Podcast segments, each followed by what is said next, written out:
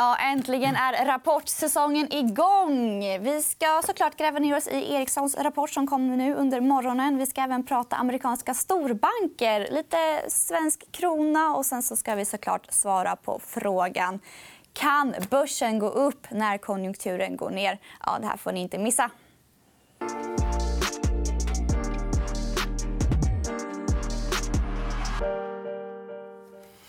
Ja, det stämmer, Matilda. Och sparka igång rapportsäsongen här. Det gör vi tillsammans med Anders Elgemyr och Martin Guri. Vad kommer ni titta på extra noga den här rapportsäsongen? Vad exportbolagen säger om konjunkturutsikterna och hur man hanterar kostnaderna för att möta nedgången. Mm. Jag skulle titta på börsgraferna. Faktiskt. För att, det man glömmer är att oavsett vad vi tycker som analytiker om vad som händer så är det faktiskt marknaden som bestämmer hur vi ska tolka det. Så, så det är liksom en, jag tycker att det är en sån sak som glöms bort hela tiden. Folk ska lära sig att man måste titta på reaktionen på det som händer. Det är det som är intressantast. Och marknaden har inga känslor? Nej, Nej. faktiskt.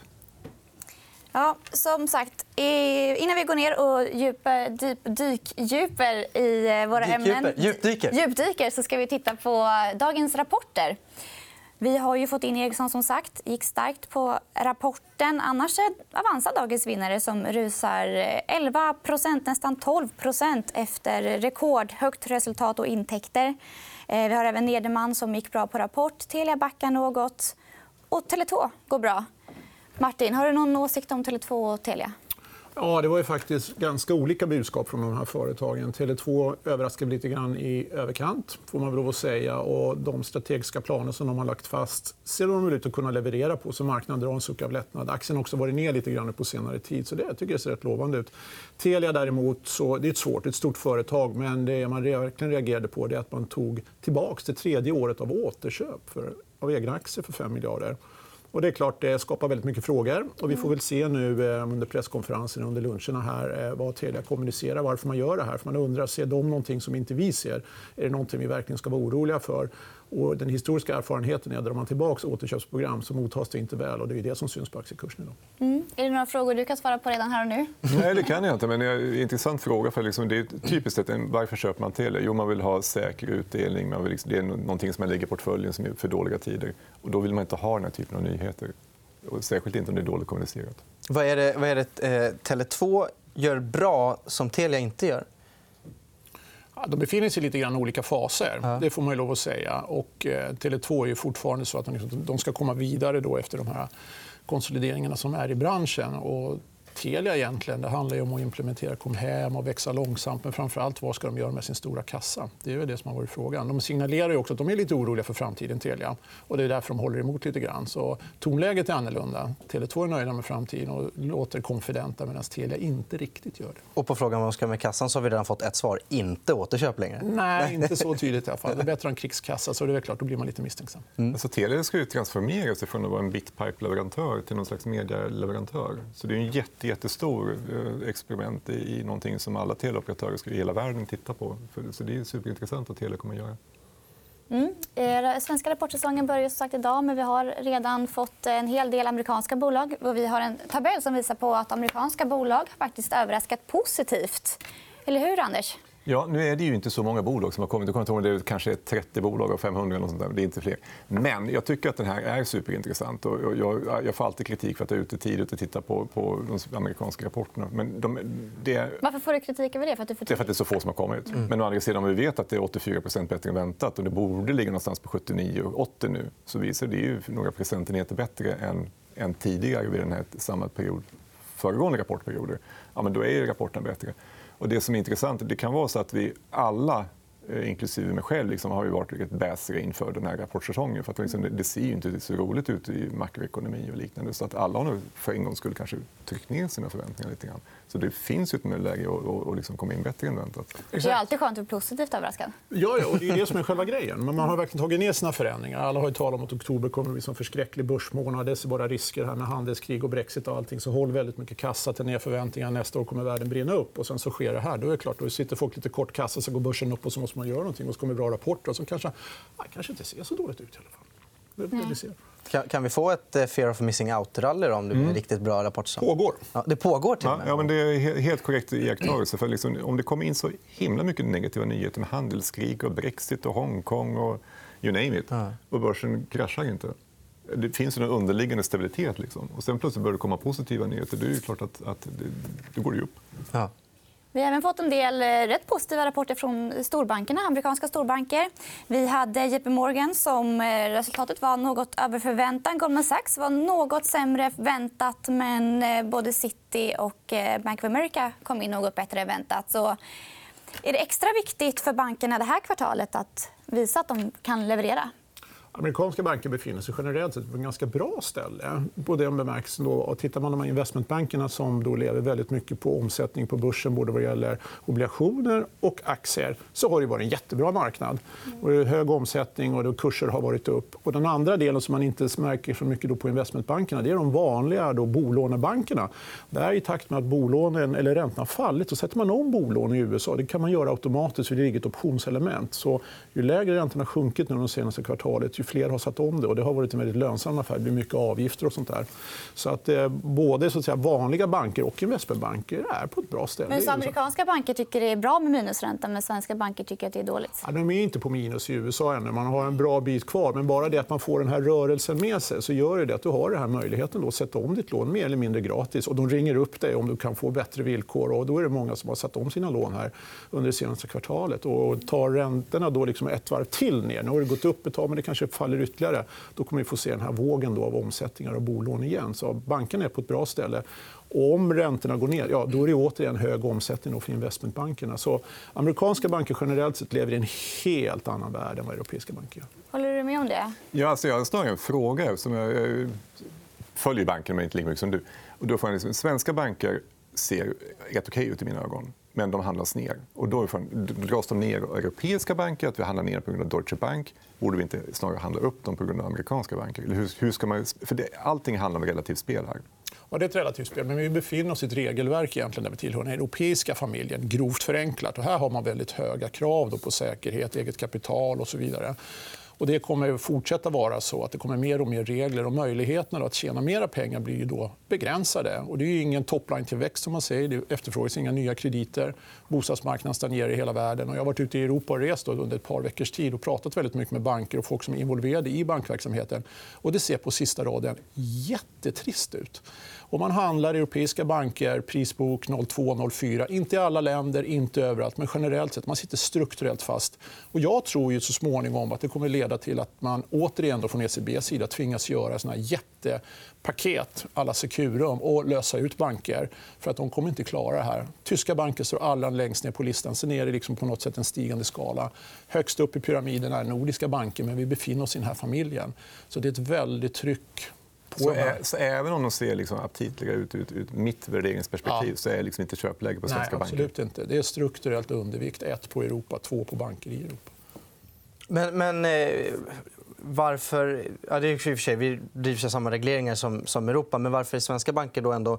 Du nämner värderingar som 0,2-0,4 gånger bok. I Sverige är det ändå en gånger bok. Vad är det som gör att det blir så pass mycket högre? Ja, För att vi är så pass välskötta. Svenska banker generellt sett är otroligt, nordiska banker är otroligt välskötta. och har Mycket hög konsolideringsgrad, mycket starka balansräkningar och inte så mycket gömda skulder som man har ute i Europa. Och det är därför. Men den här diskrepansen, eller skillnaden mellan dåliga banker i Europa och nordiska, den har ju sjunkit under senare tid. Och nu märker man att det här kommer att bita mer och mer också på de nordiska bankerna. För vi vet att bolånemarginalpressen är där och i takt med att folk sätter om sina lån så sjunker där. Det är ingen tillväxt. Så vi vet vart det är på väg. Och det är otroligt svårt att öka intäkterna. Och det är vi som närmar oss Europa, inte Europa som närmar sig oss. Svar ja, så är det. Vi ska neråt i värdering. Och jag tror framförallt om man är global förvaltare så är liksom europeiska banker det är no-go. Liksom varför överhuvudtaget titta och hålla på med det här? Och den slutsatsen drar de allra flesta som jag pratar med. Och, eh, jag tror vi kommer få leva med det. Och det drar med sig det svenska. Sen när man tittar på svenska banker i- mot svenska börsen då är det ett annat spel. Men man ska inte låta sig luras av de historiska värderingarna.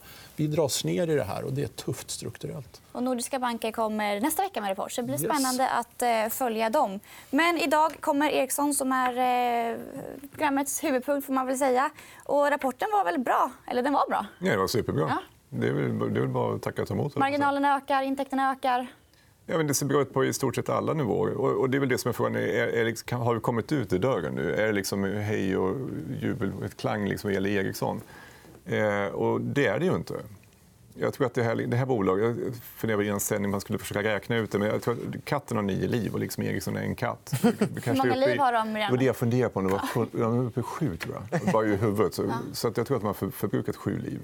Men det är ju det enda bolag som är kvar sen, sen 1800-talet också, så att alla andra har ju försvunnit. Så det, de är faktiskt en överlevnadskonstnär. Liksom. Men det verkar väl 5G börja gå bra? Absolut. De, får, de får måste positionera sig för 5G. Det som de har för, med sig nu det är de har svenska kronan med sig. Alltså, det här är en perfekt storm åt rätt håll. När, tredje kvartalet 2007 det var perfekt storm åt fel håll. Det här är perfekt storm åt rätt håll. De har svenska kronan med sig. De har 5G som rullar ut lite fortare än alla förväntade sig. Eh, det går segt i Europa. Någonting måste politikerna göra hallå, med, med 5G i Europa. för att Vi, kan inte, vi måste liksom få fart på det.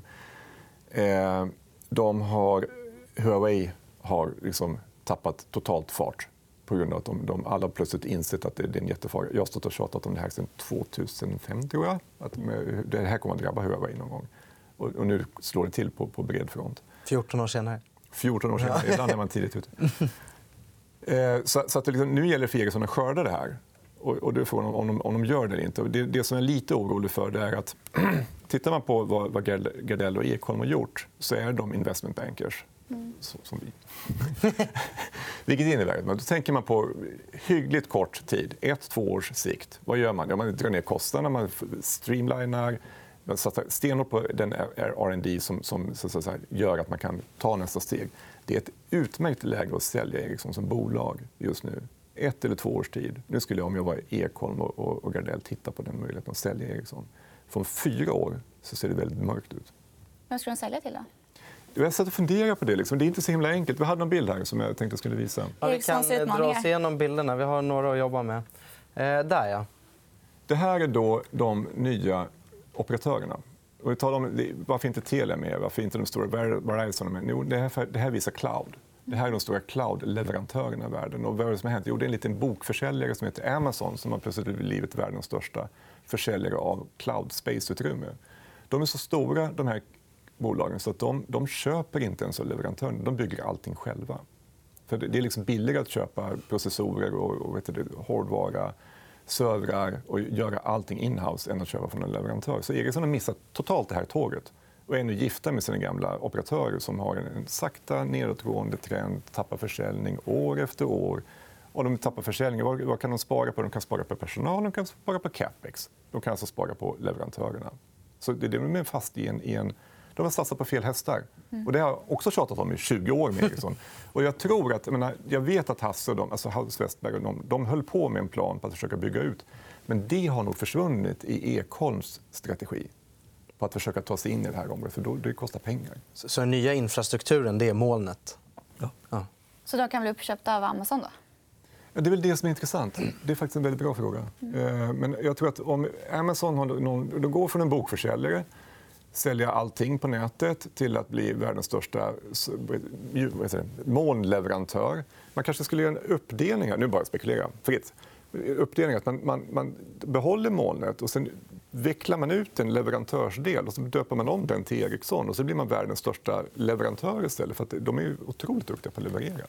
Har du något instick här, Martin?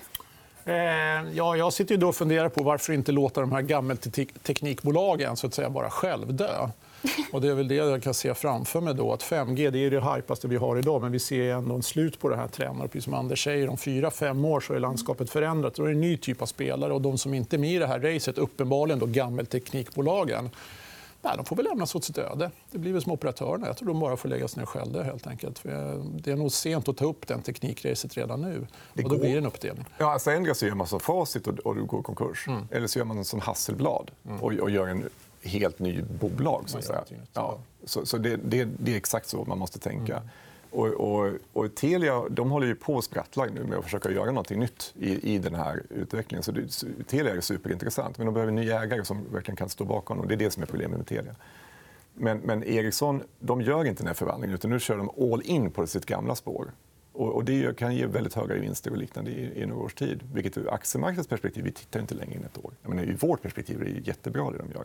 Men ur ett strategiskt Ericsson-perspektiv och ett svenskt perspektiv så, så är jag mycket mer tveksam. Vi kan ju jättesnabbt avhandla bara titta på en, en krongraf som har gett Ericsson lite extra hjälp i den här perfekta stormen. Och sen kan vi gå vidare på där vi också har eh, ställt kronan mot Ericsson så ser vi att de följer varandra väldigt bra. Om det här fortsätter så kan det vara även nästa års drivare. Men på lång sikt så har de strukturella problem. Ja, Om absolut. jag förstår det rätt. Ja, men gud, låt oss inte få en fortsatt svag krona. Jag vet inte, du kan väl du sticka in här. Vi har pratat så länge, men, men det känns som att den svenska kronan måste vi göra någonting åt. Liksom. Det är något fel här. Ja, och på tal om svenska kronan, vi har ju också fått en del eh, negativ eh, konjunktursdata på sistone.